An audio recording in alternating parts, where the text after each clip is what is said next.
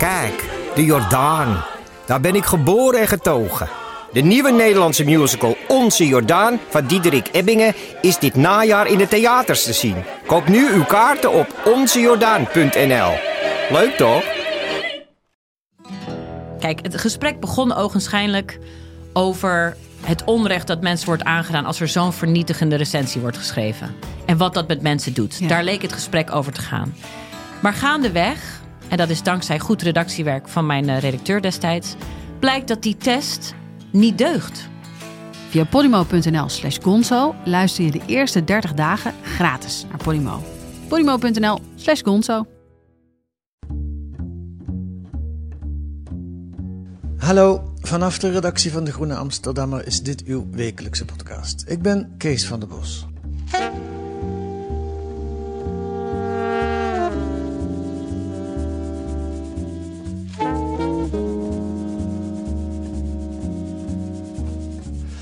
Denkt u ook wel eens dat overbevolking de grootste bedreiging vormt voor onze planeet? En eh, dat de mens een dier is, een niets ontziend wezen, een invasieve soort, woekerend en plunderend, totdat hij aan zijn eigen vraatzucht en hebzucht ten onder gaat, zoals bacteriën in een petrischaaltje. Lucht en aarde worden steeds vuiler, klimaatrampen grimmiger en wij bestemmen in grote getalen op de boerenburgerbeweging en de VVD. We bouwen een hek om Europa, want we willen ongestoord genieten van onze rijkdom. En we willen niet de ondergang zien waar we naar op weg zijn. Misschien is het voor het milieu wel beter als de mensheid uitsterft. Als je dat denkt, dan ben je een misantroop geworden, een mensenhater. Maar wie heeft af en toe niet last van zulke gedachten? En wat kun je ermee? Hoe kun je er het beste mee omgaan? En wat betekenen ze eigenlijk?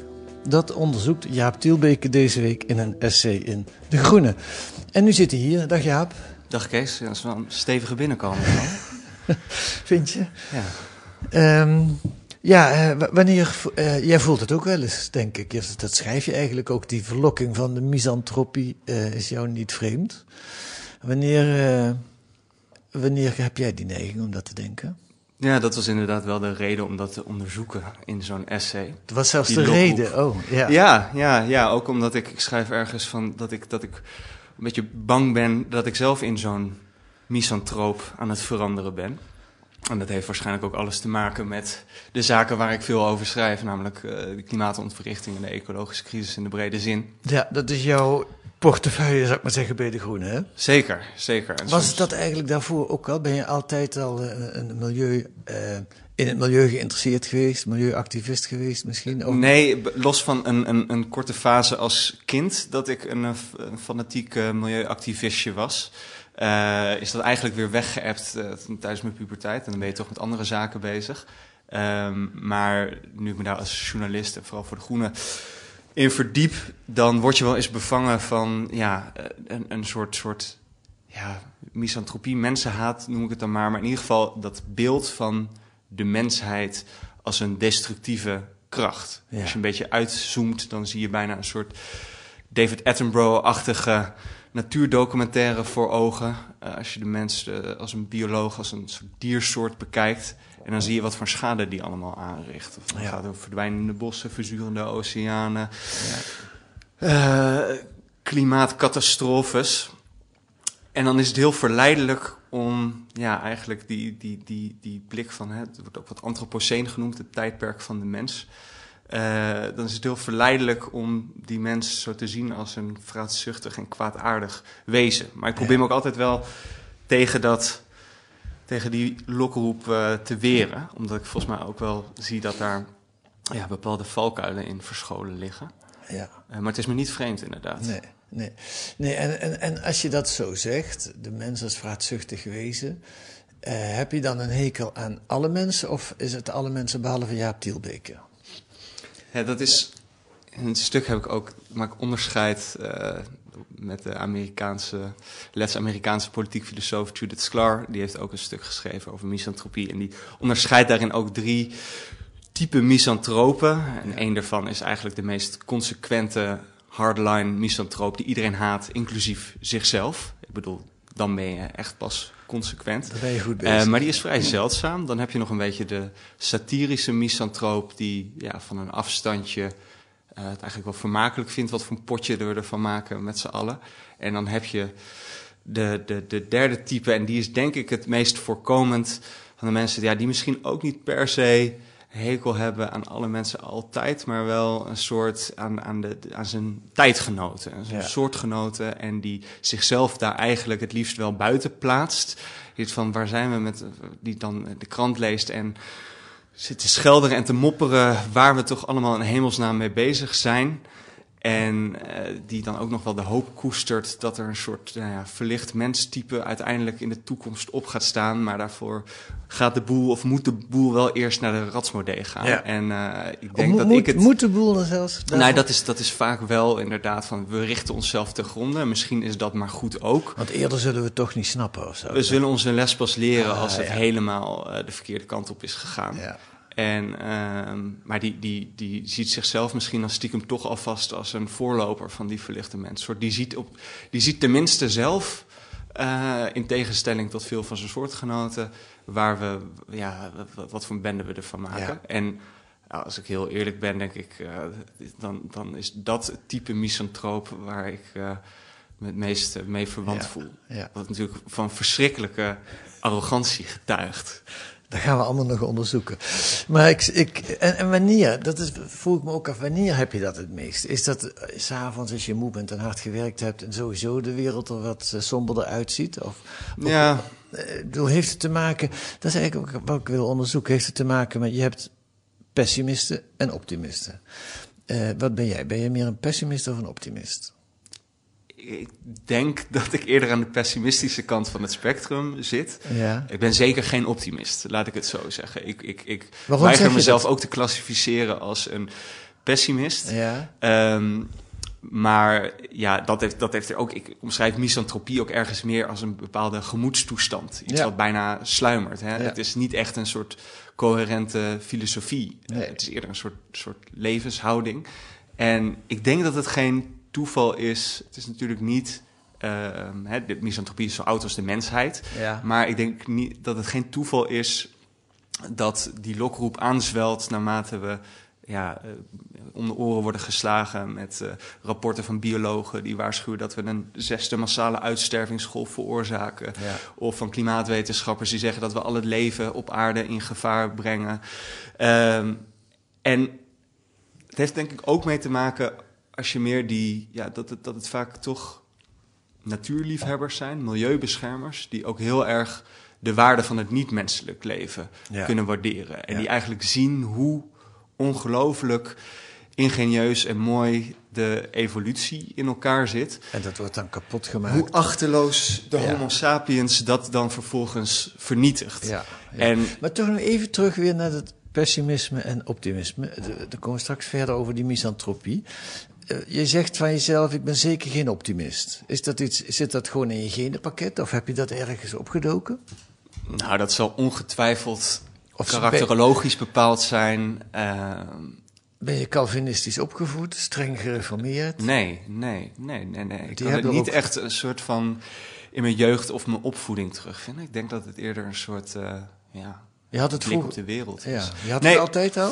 Nou, ook wel minder. Ik bedoel, misschien dat een bepaalde mate van cultuurpessimisme niet, me niet vreemd is. Ja. Dat is ook de reden dat ik eh, filosofie ben gaan studeren. En dan krijg je allemaal ook hoogleraren die lekker voeteren op het neoliberalisme... en eigenlijk ook wel de schaduwkanten van de moderniteit belichten. Ja. En ik moet eerlijk bekennen dat ik daar best goed op ging. Eh, dus dat dacht ik ook wel van, ja, daar zit wel heel, heel wat in. Lekker bezig.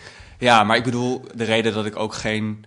eh, volgens mij kun je trouwens best een vrolijke pessimist zijn. Dat probeer ik dan ook maar te zijn als Oh, ik naar pessimisme neig. Ja. Maar de reden waarom ik zo'n eh, beetje allergie heb tegen optimisme... is omdat daar toch een beetje een houding eh, van uitgaat van... het komt allemaal wel goed. Hè? Uiteindelijk is het glas toch half vol.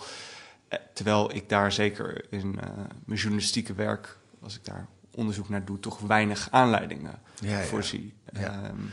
Als we niks doen, dan gaat het niet goed. Precies, en dat betekent niet dat je dan een pessimist bent die bij de pakken neer gaat zitten eh, en vervolgens zegt van we zijn allemaal gedoemd. Hoewel, weet je, dat, dat fatalisme me ook niet helemaal vreemd is. En ik denk dat daar ook wel een link zit met die misantroop. Want het is toch, als je kijkt naar, als je tot de conclusie komt dat er een soort verdorven aard schuilt in de mens, ja, dan wordt het wel heel moeilijk om nog hoopvol te blijven of om nog perspectief te blijven zien. Ja, ja, ja. En, en, en de misantroop in jou denkt dat wel, die van die verdorven aard in de mens? Nou, dat misantropische stemmetje in mijn achterhoofd soms wel. Ja. Ik weet niet of je die, die, die filmpjes ook kent. Anders moet je dat maar eens opzoeken op YouTube van eh, hoe, de, hoe de aarde zou vergaan zonder ons. Dus er zijn van die filmpjes, van die gedachte-experimenten van... wat nou als de mens vandaag op, vandaag op morgen Weg is. poef van de aardbodem verdwenen zou zijn...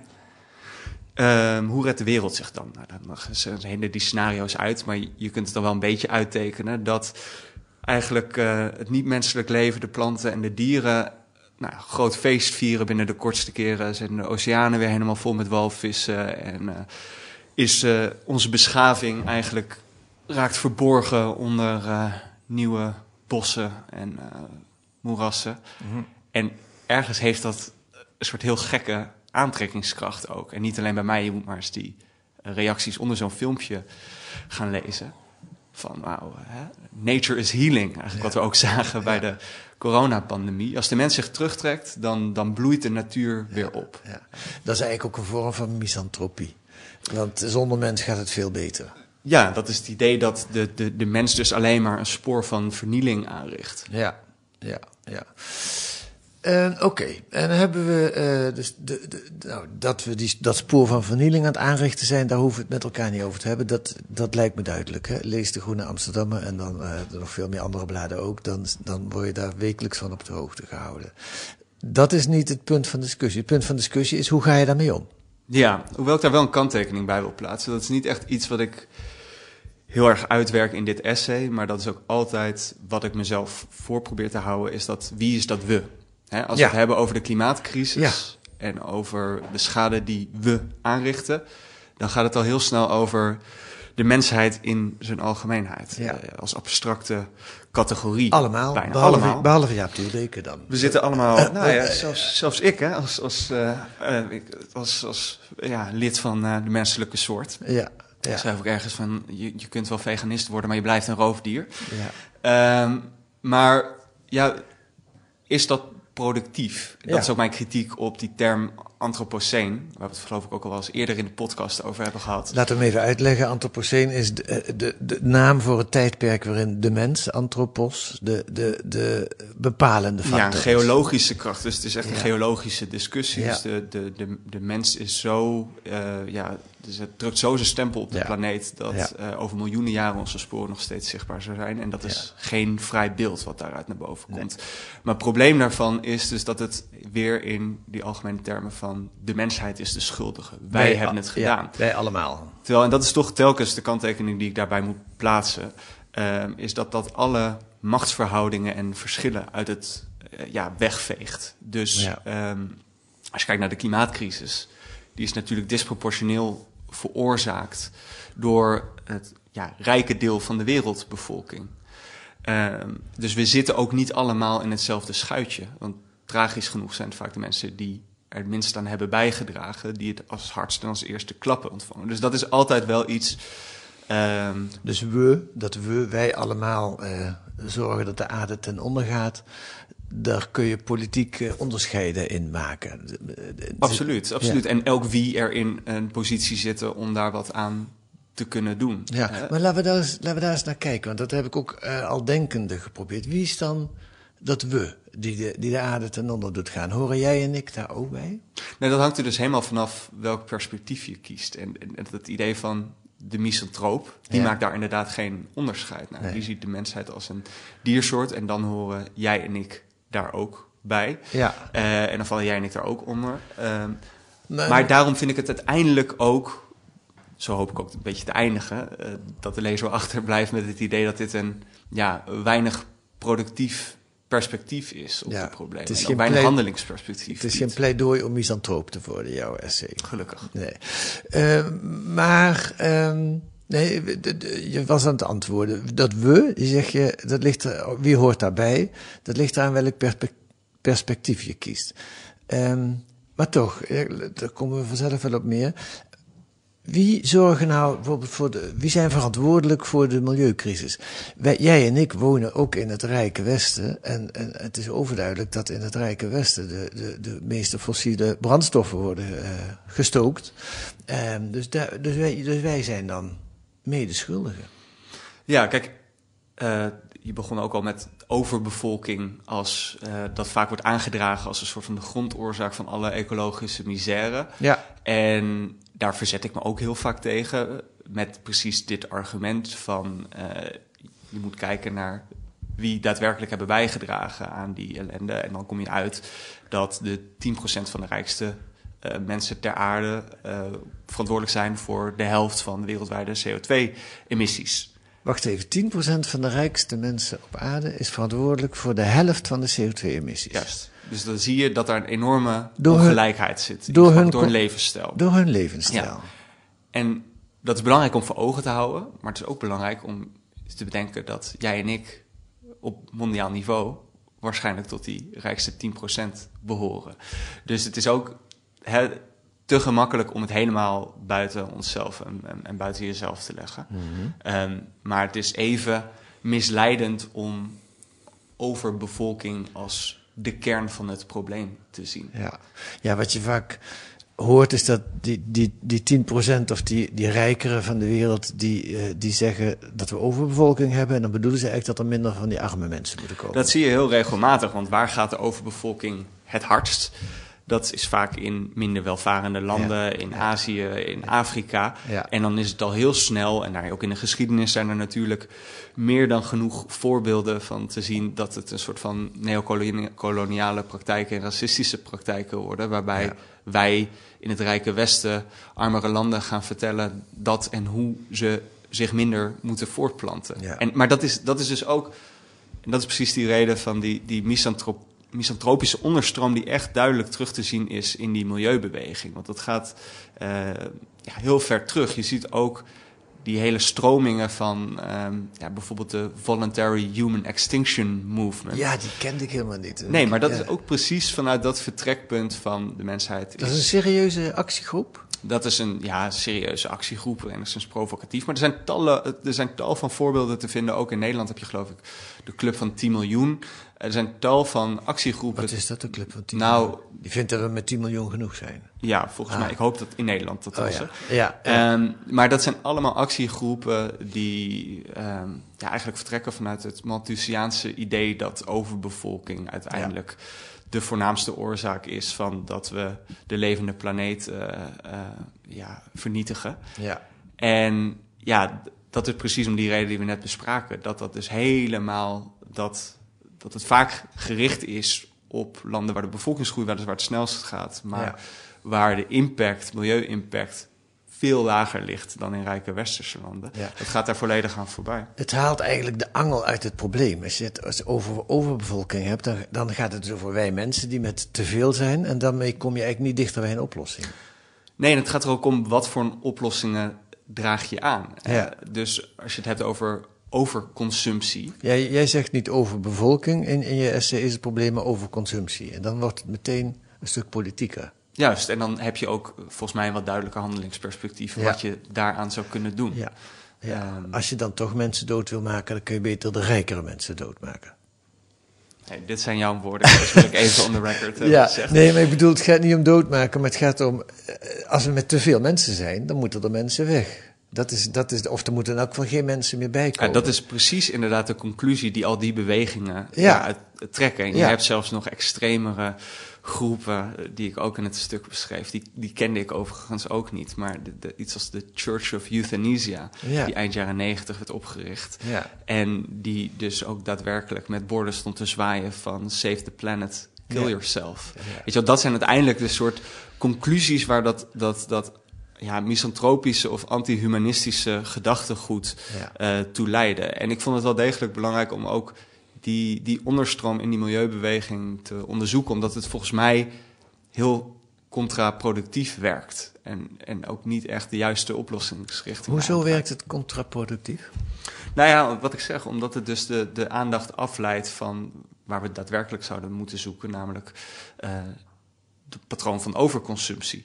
En eh, in plaats van dat wij hier gaan bedenken hoe mensen in Afrikaanse landen minder kinderen zouden moeten krijgen, zouden we volgens mij moeten bedenken hoe we onze economie kunnen inrichten, eh, zodat wij binnen de planetaire grenzen blijven. hè. In Ja. het essay haal ik ook de Amerikaanse bioloog Garrett Harding eh, aan. Ja. En dat is ook de bedenker trouwens van de, de tragedy of the commons idee. Ja.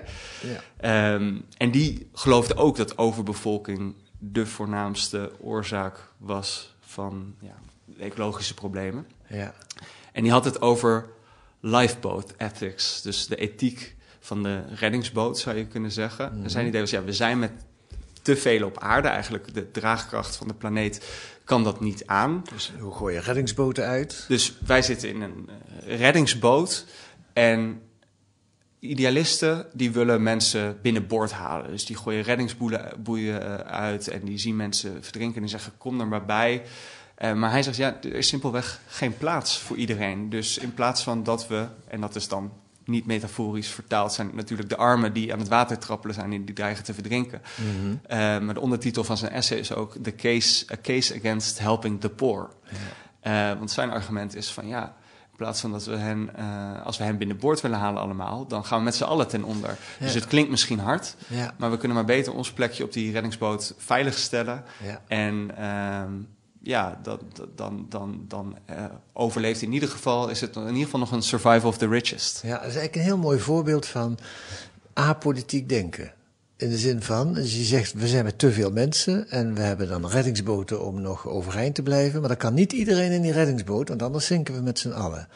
Ik bedoel, apolitiek, je maakt geen onderscheid. Ja, je maakt wel onderscheid. De rijkeren zitten natuurlijk in die, in die reddingsboten. Die zorgen wel dat ze erin komen. En de armen, die zijn eh, de, de pineut. Ja, en, en, en daartegenover zet ik dan eigenlijk dat het eerlijker zou zijn om te spreken over de ethiek van het cruiseschip. Ja, dat sprak me enorm aan, dat beeld. Ja, want, want volgens mij is het natuurlijk een enorm misleidend beeld wat die eh, Harding daar schetst. Volgens mij is het eerder zo dat we als rijken op een soort cruiseschip zitten. Met alle luxe van dien en eh, alle entertainment van dien. En eh, de, we hebben genoeg bagage mee.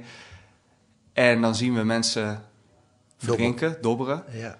En dan denken we van ja, het zou toch zonde zijn als we die bioscoop moeten inruimen tot slaapzaal. Want dan kunnen we niet meer naar de film. Of zou het toch zonde zijn als we plaats moeten maken door ja, de hutkoffers met al onze dure kleding overboord te gooien. Ja. Dat is volgens mij de situatie waar we, waar we in zitten. En ook het argument dus eh, hoe overbevolking vaak wordt Ja. ingezet. Ja, waarom dat beeld me zo sterk aansprak, is omdat dat feitelijk letterlijk is wat er gebeurt in. Europa. Hè. We laten de mensen dobberen in, in, en mensen die, je- die ze helpen, die beschouwen we zelfs als criminelen. Er worden processen tegen gevoerd. Want eh, we moeten hacken om Ja. Europa, want het, we zitten vol. Dus het is veel makkelijker om te denken van overbevolking is het probleem. Die enorme stroom aan mensen is het probleem dan Ja. dat we zelf iets aan onze leverstijl en onze consumptiepatronen. Ja. Zou je kunnen zeggen, in die zin dat het zelfs een, een, een gevaarlijke ideologie is? Een geva- eh, dus die afleidt van de daadwerkelijke oplossingen? Ja, dat lijkt me wel, ja. Ja. Nou, dat is een korte antwoord. Dat schiet niet Ja, op nee, zo. ja, nee ja, dat, dat heb ik volgens mij ook net al een beetje proberen te vertogen. Dat het Ja. de, de aandacht afleidt van de daadwerkelijke oorzaken. Maar goed, weet je, dit heb ik al vaak betoogd.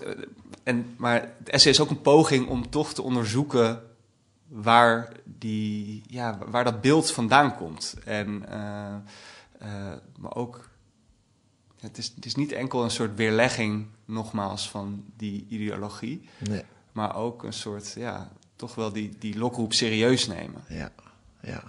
Nou, dan laten we daar dan aan het eind van dit gesprek weer eens naar teruggaan. Dus eigenlijk leg je haar fijn uit waarom het een, een, valse lokroep is. Dat staat ook boven eh, het artikel. Tenminste, ik heb de groene nog niet gezien. want we zitten- hier op dinsdag, maar ik neem aan dat dat in de eindversie er ook boven komt te staan. De valse lokroep van de misantropie. Ehm, dus de- dus je kunt haar fijn uitleggen, wat mij betreft, wat er vals aan is. En hoe komt het dan toch dat het soms je bekruipt en mij bekruipt, dat het ons bekruipt? Wa- Wat, wat is dan die lokroep? Als je eigenlijk weet dat het niet deugt. Ja, dat is denk ik toch. Ik bedoel, er is natuurlijk ook heel veel om je over op te winden. En soms is het gekmakend ook de kortzichtigheid waarmee we bepaalde problemen te lijf gaan. Eh, dus of hoe achterloos we omspringen met onze leefomgeving. Of hoe we vluchten in ja, een papieren realiteit. En als je daar veel over leeft en over schrijft, zoals ik doe, dan ja, hangt het heel erg samen met, dat, met, die, met die moedeloosheid. En dan toch een soort Ja. abstracte schuldige zoeken. Ja. Ehm, waarin het ook een soort, ja, als, als, het, als het bijna een soort biologisch bepaald is, dan zit het nou eenmaal in onze aard. Dan kunnen we er ook eigenlijk vrij weinig nog tegenover stellen. Maar dan is de oplossing dat we, net als die bacteriën in het petrischaaltje waar we mee begon, die Ja. vreten zichzelf eigenlijk, of die me- vermenigvuldigen zichzelf totdat ze de rand hebben Ja. bereikt. En dan klapt die hele bevolking in elkaar. Nou, als wij aan diezelfde biologische wetten gehoorzamen, dan is dat ons Ja. lot. Dat is een beetje wat daar uitspreekt. En er zit ook wel een soort, dat zag je heel erg tijdens de, de, de coronacrisis.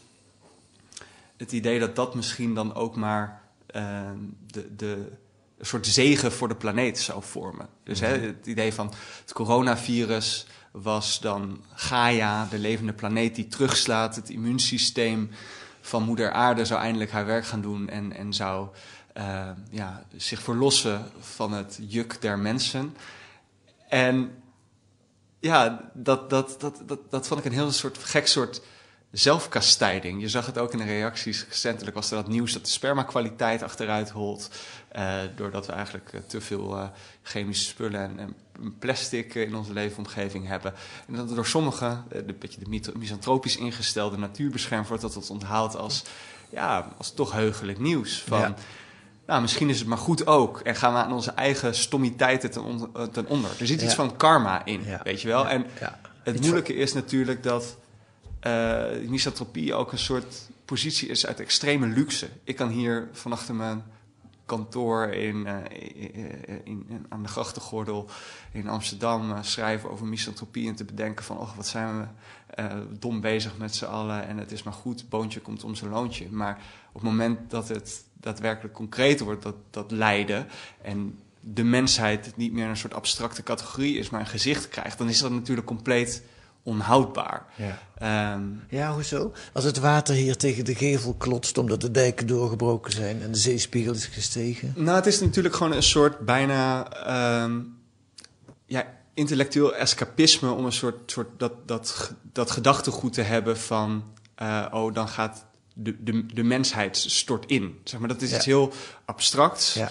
Eh, en de natuur die redt zich wel. Ja. Eh, de planeet die herstelt zich wel en eh, daar, is, het- daar, het- daar is het niet-menselijk leven op aarde bij gebaat. Maar op het moment dat je het niet gaat hebben over de ondergang van de mensheid, maar het lijden van mensen, dan wordt het al een stuk moeilijker om je daar als een soort ja, eh, afstandelijke houding op los te laten. En te denken van, oh, misschien is, het, misschien is dat maar goed ook. Ja. En volgens mij is dat ook een hele gevaarlijke eh, Ja. reflex om op die manier ernaar te kijken. En als het gaat om het lijden van je geliefden of om het lijden van jezelf, dan, dan zeg je niet minder makkelijk. Dat is maar goed ook misschien. Precies, dan is het natuurlijk absurd om dat in termen van ja, de mensheid, of die, die biologische blik is maar, denk ik, beperkt houdbaar. En waar ik ook op uitkom, is ook dat dat, ja, dat, dat, dat ecocentrische denken, dus van hè, het idee van de planeet die bloeit op als wij er niet meer zijn, dat gaat er bijna vanuit dat er een soort.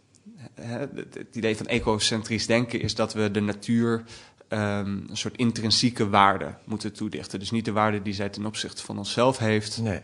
Maar de waarde die zij.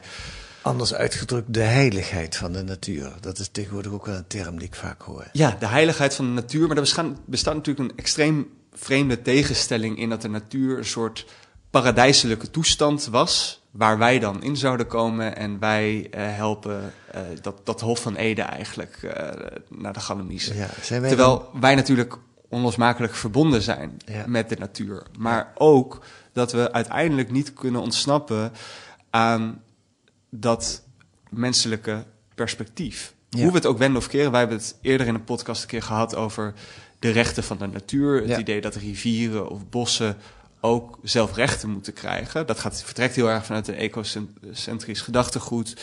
eh, vanuit het idee dat je die ecosystemen ja, zelf moet waarderen. Hm. Alleen uiteindelijk de normatieve kaders die wij stellen en de verdediging van dat soort rechten en hoe we dat soort rechten inkleuren, dan ontkom je niet aan dat menselijke perspectief. Dat doen wij weer. Ja. Precies. Ja, Eh, ja. Dus, dus je hebt dat, dat, dat filosofische raadsel van als een boom eh, omvalt eh, in het bos, maar er is niemand om het te horen. Maakt hij dan geluid? Dat is dat klassieke filosofische raadsel. Maar je kan het nog verder trekken, namelijk als de natuur gered wordt, maar er is geen mens meer om de geredde natuur te aanschouwen.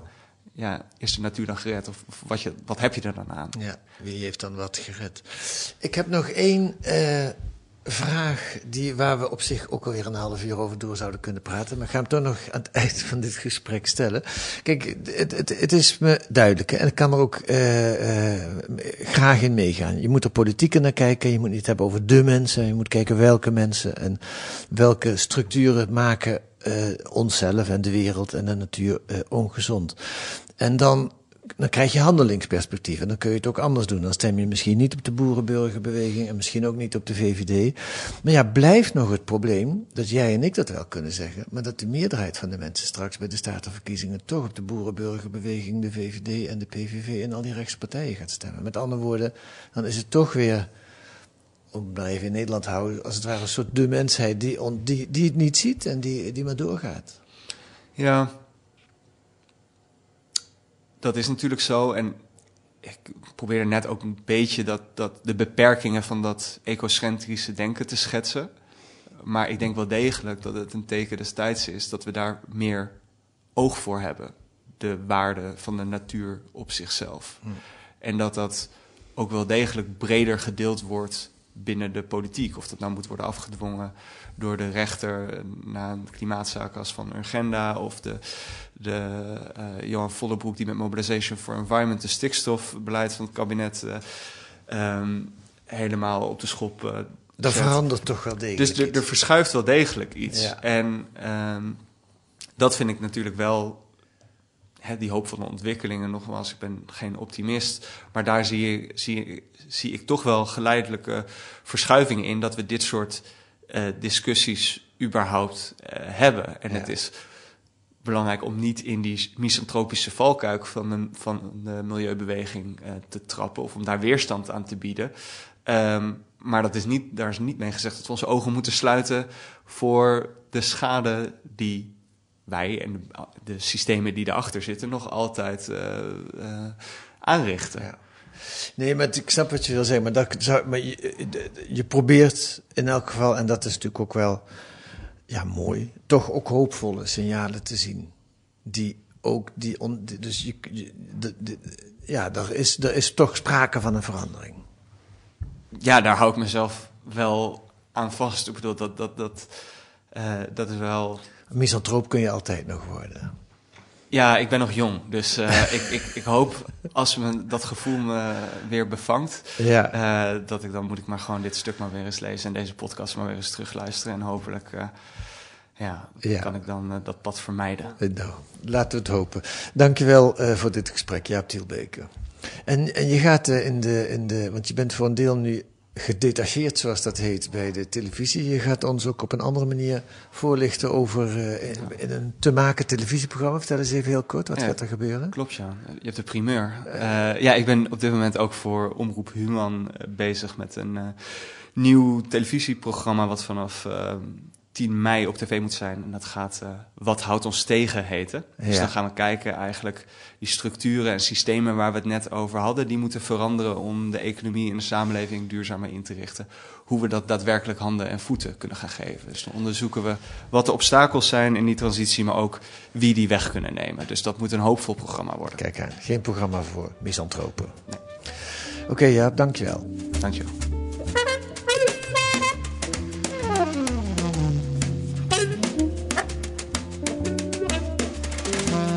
Wat staat er nog meer in de Groene deze week? Een atlas van de Nederlandse slavernij. Trinidad en Tobago, Benin en Bengalen en nog 17 andere gebieden waar Nederlandse slavenhandelaren hun sporen achterlieten, worden deze week in kaart gebracht. De Republiek als multinational in mensenhandel. En een onderzoek naar het omzeilen van sancties tegen Iran hoe vanuit een Nederlandse investeringsmaatschappij honderden miljoenen euro's in een omstreden Iraans techbedrijf terechtkwamen. Dat kunt u lezen met een abonnement, proefabonnement. Ga dan naar groene.nl. Daar wordt u uitgelegd hoe u 10 weken de groene kunt krijgen voor 15 euro. Wilt u reageren op de podcast? Dan kan dat per mail. Podcast.groene.nl is ons adres. Podcast.groene.nl. Volgende week is Stefan Sanders uw gastheer met een auteur van een artikel in De Groene van die week. En deze week werd de podcast gemaakt door Elke van Leiden en Kees van der Bos. De muziek is A Tune for N van Paul van Keenade.